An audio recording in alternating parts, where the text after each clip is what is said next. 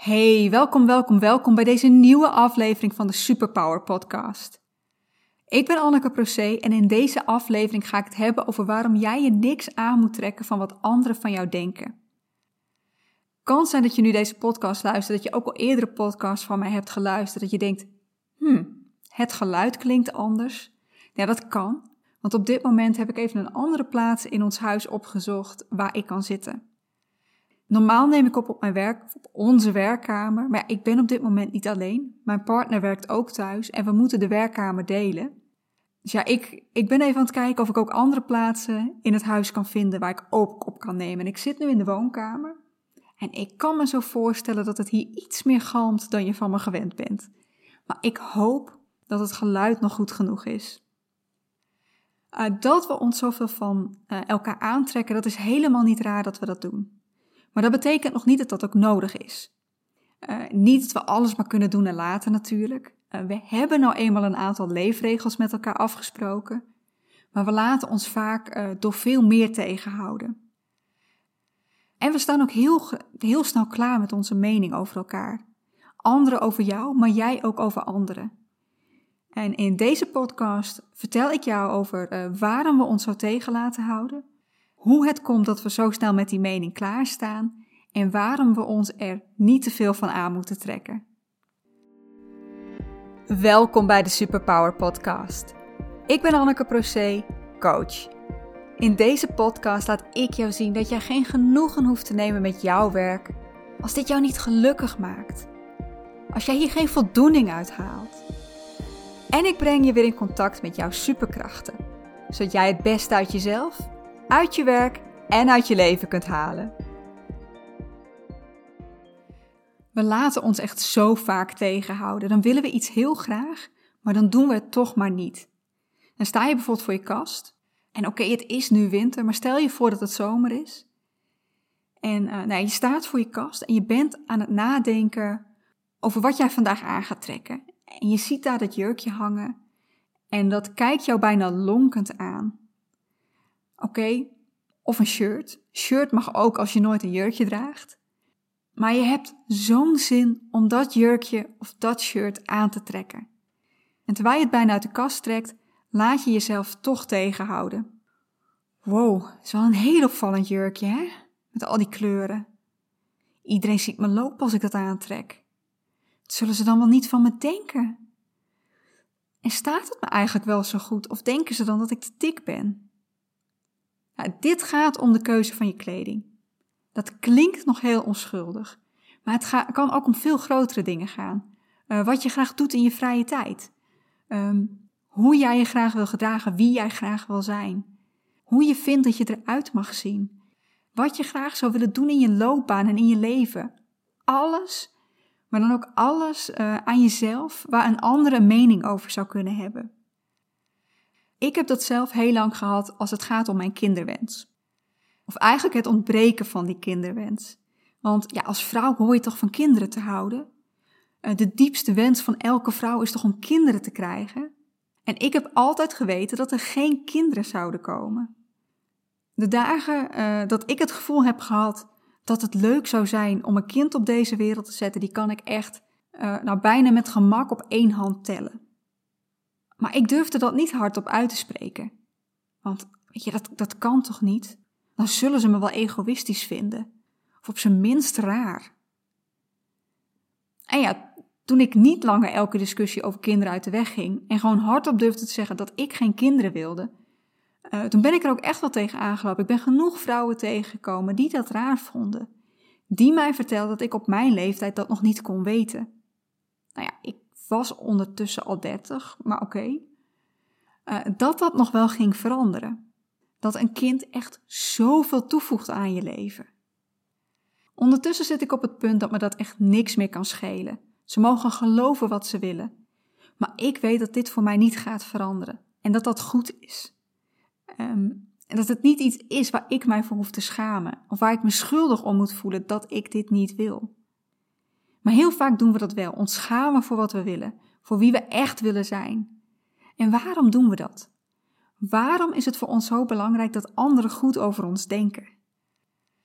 Nou, omdat het nogal spannend is om buiten de boot te vallen. Wij zijn groepsdieren en we willen dan ook dolgraag binnen de groep vallen.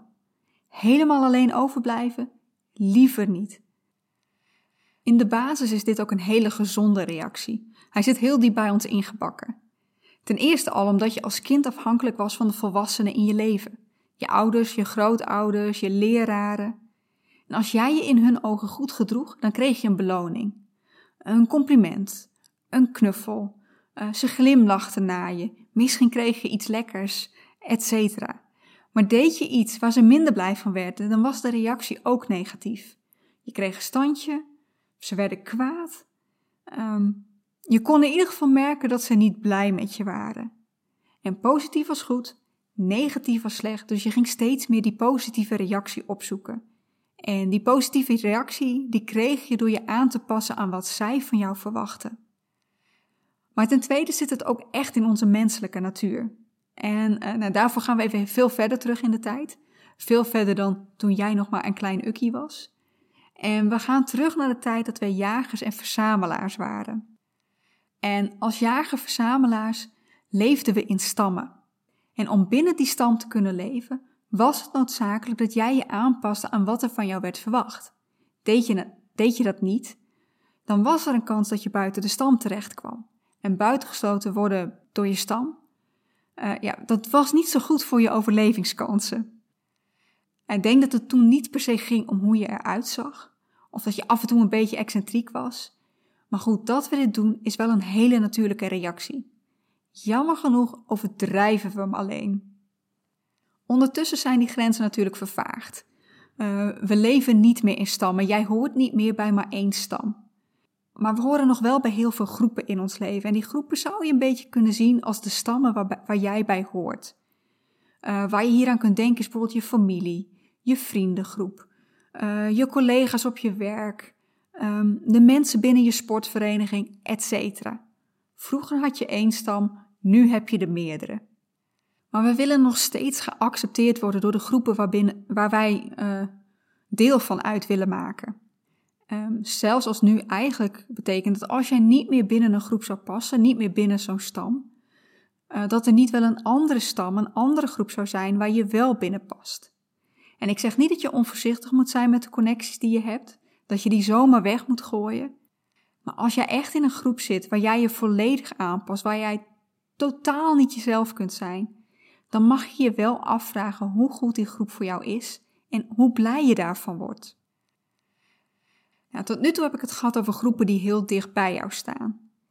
En het kan best zijn dat jij nu denkt: ja, weet je, die groepen, daar ben ik helemaal niet zo bang voor hoe ze over me denken. En dat klopt. Vaak is dit niet per se de mening of het oordeel waar je het bangst voor bent. En dat hangt af van hoe hecht die groep is. Maar als jij een hele hechte groep hebt, uh, dan kennen jullie elkaar vaak door en door. In al jullie eigenaardigheden. En die accepteren jullie aan elkaar. Maar uh, als de groep minder hecht is, en ik kan me bijvoorbeeld voorstellen dat de groep op jouw werk, jouw collega's, dat die groep wat minder hecht is, dat je er daar meer moeite mee hebt.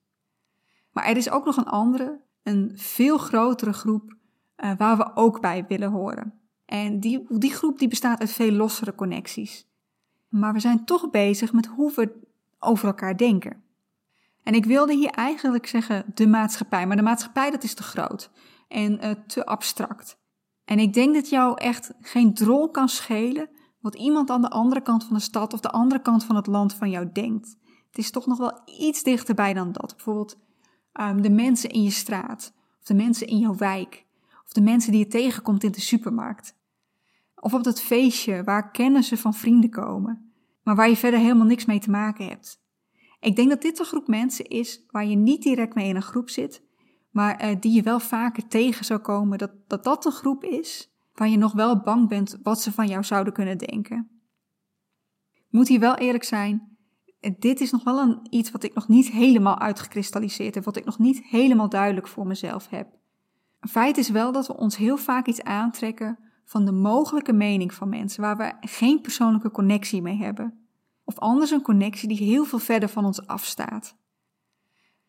Maar hoe komt het dat we juist de mensen die ons niet zo goed kennen, dat we daar onszelf niet helemaal durven te laten zien?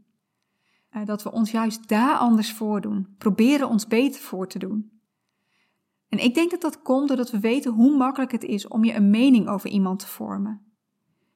En misschien hoor je dit liever niet, maar jij doet dat ook. We doen dat namelijk allemaal.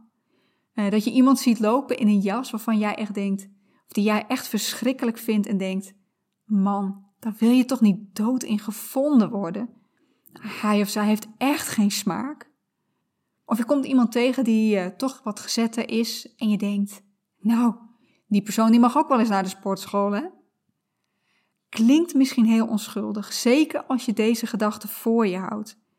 Maar we doen het wel en we beïnvloeden elkaar er ook op zijn minst onbewust mee. Goed, ik val ook onder de categorie iedereen. Dus ja, ik ben ook niet heilig. Ik sta niet boven jou en zeg: ik doe dit nooit. Nee, ik doe dit net zo goed.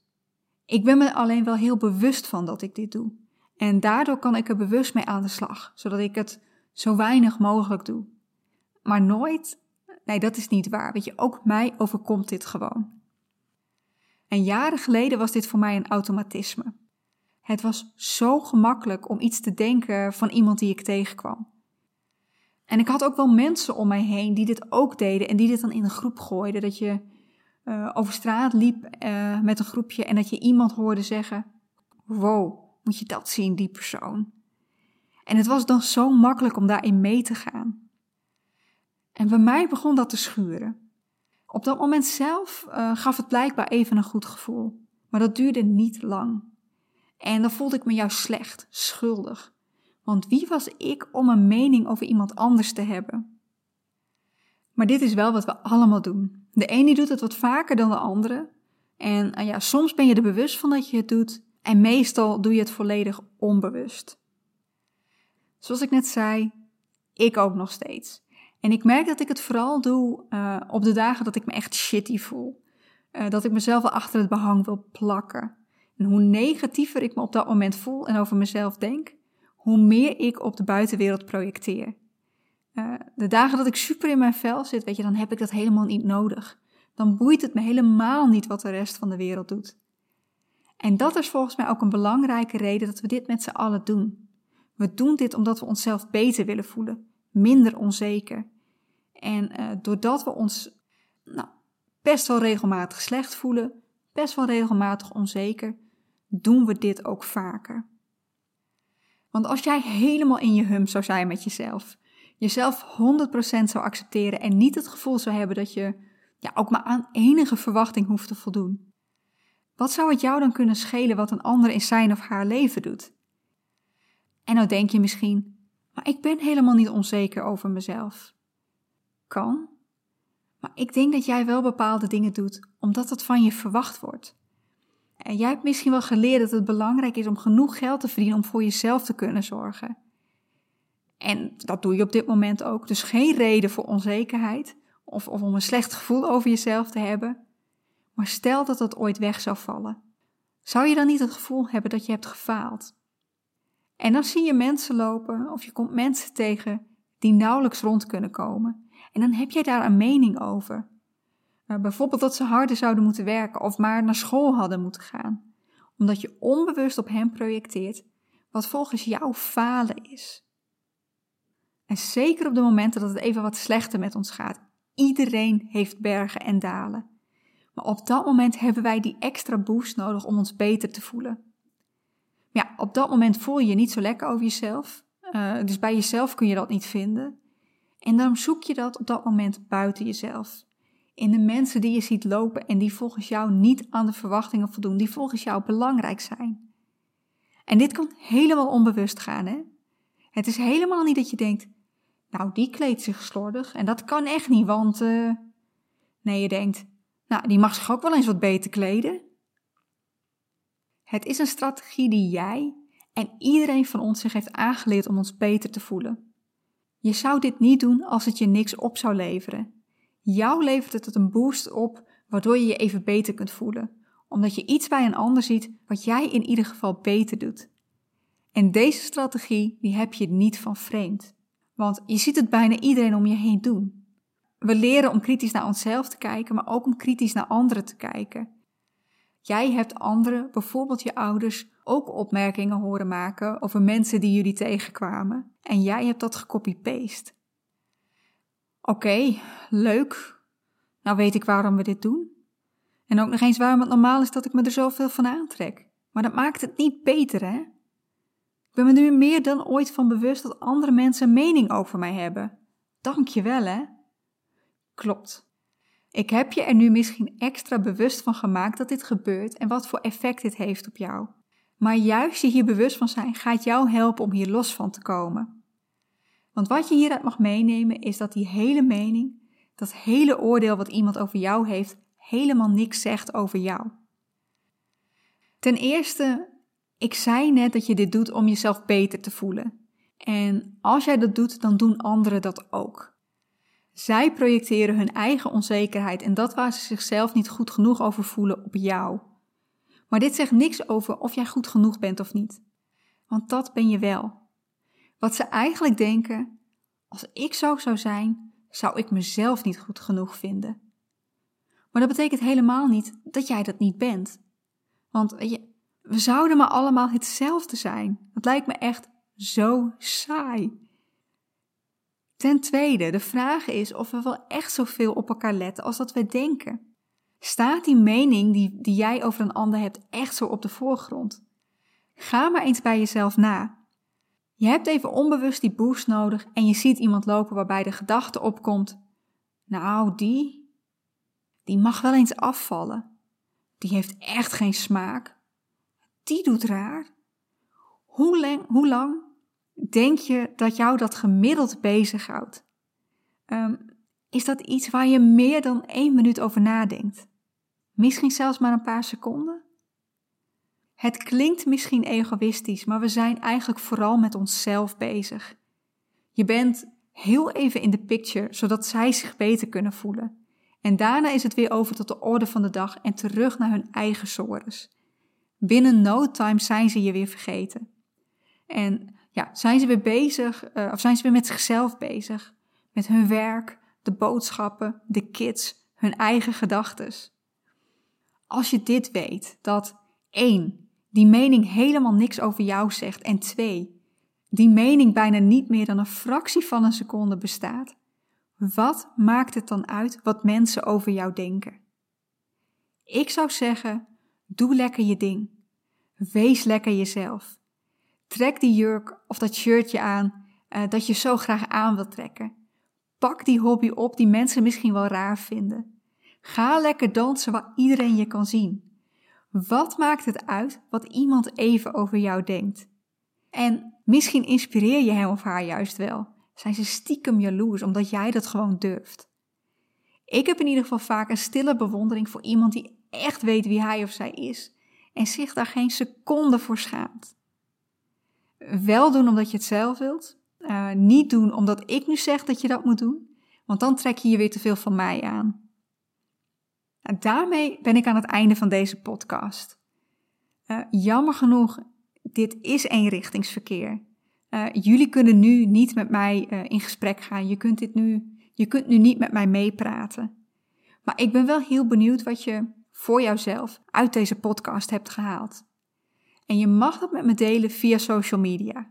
Stuur me dan een pb op Insta op anneke.proce. En ik zou het super vinden om daar van je te horen of als je me gaat volgen. Voor nu ga ik afscheid van je nemen. Ik hoop dat je me joint bij de volgende aflevering van de Superpower Podcast. Voor nu nog een hele fijne dag en tot snel.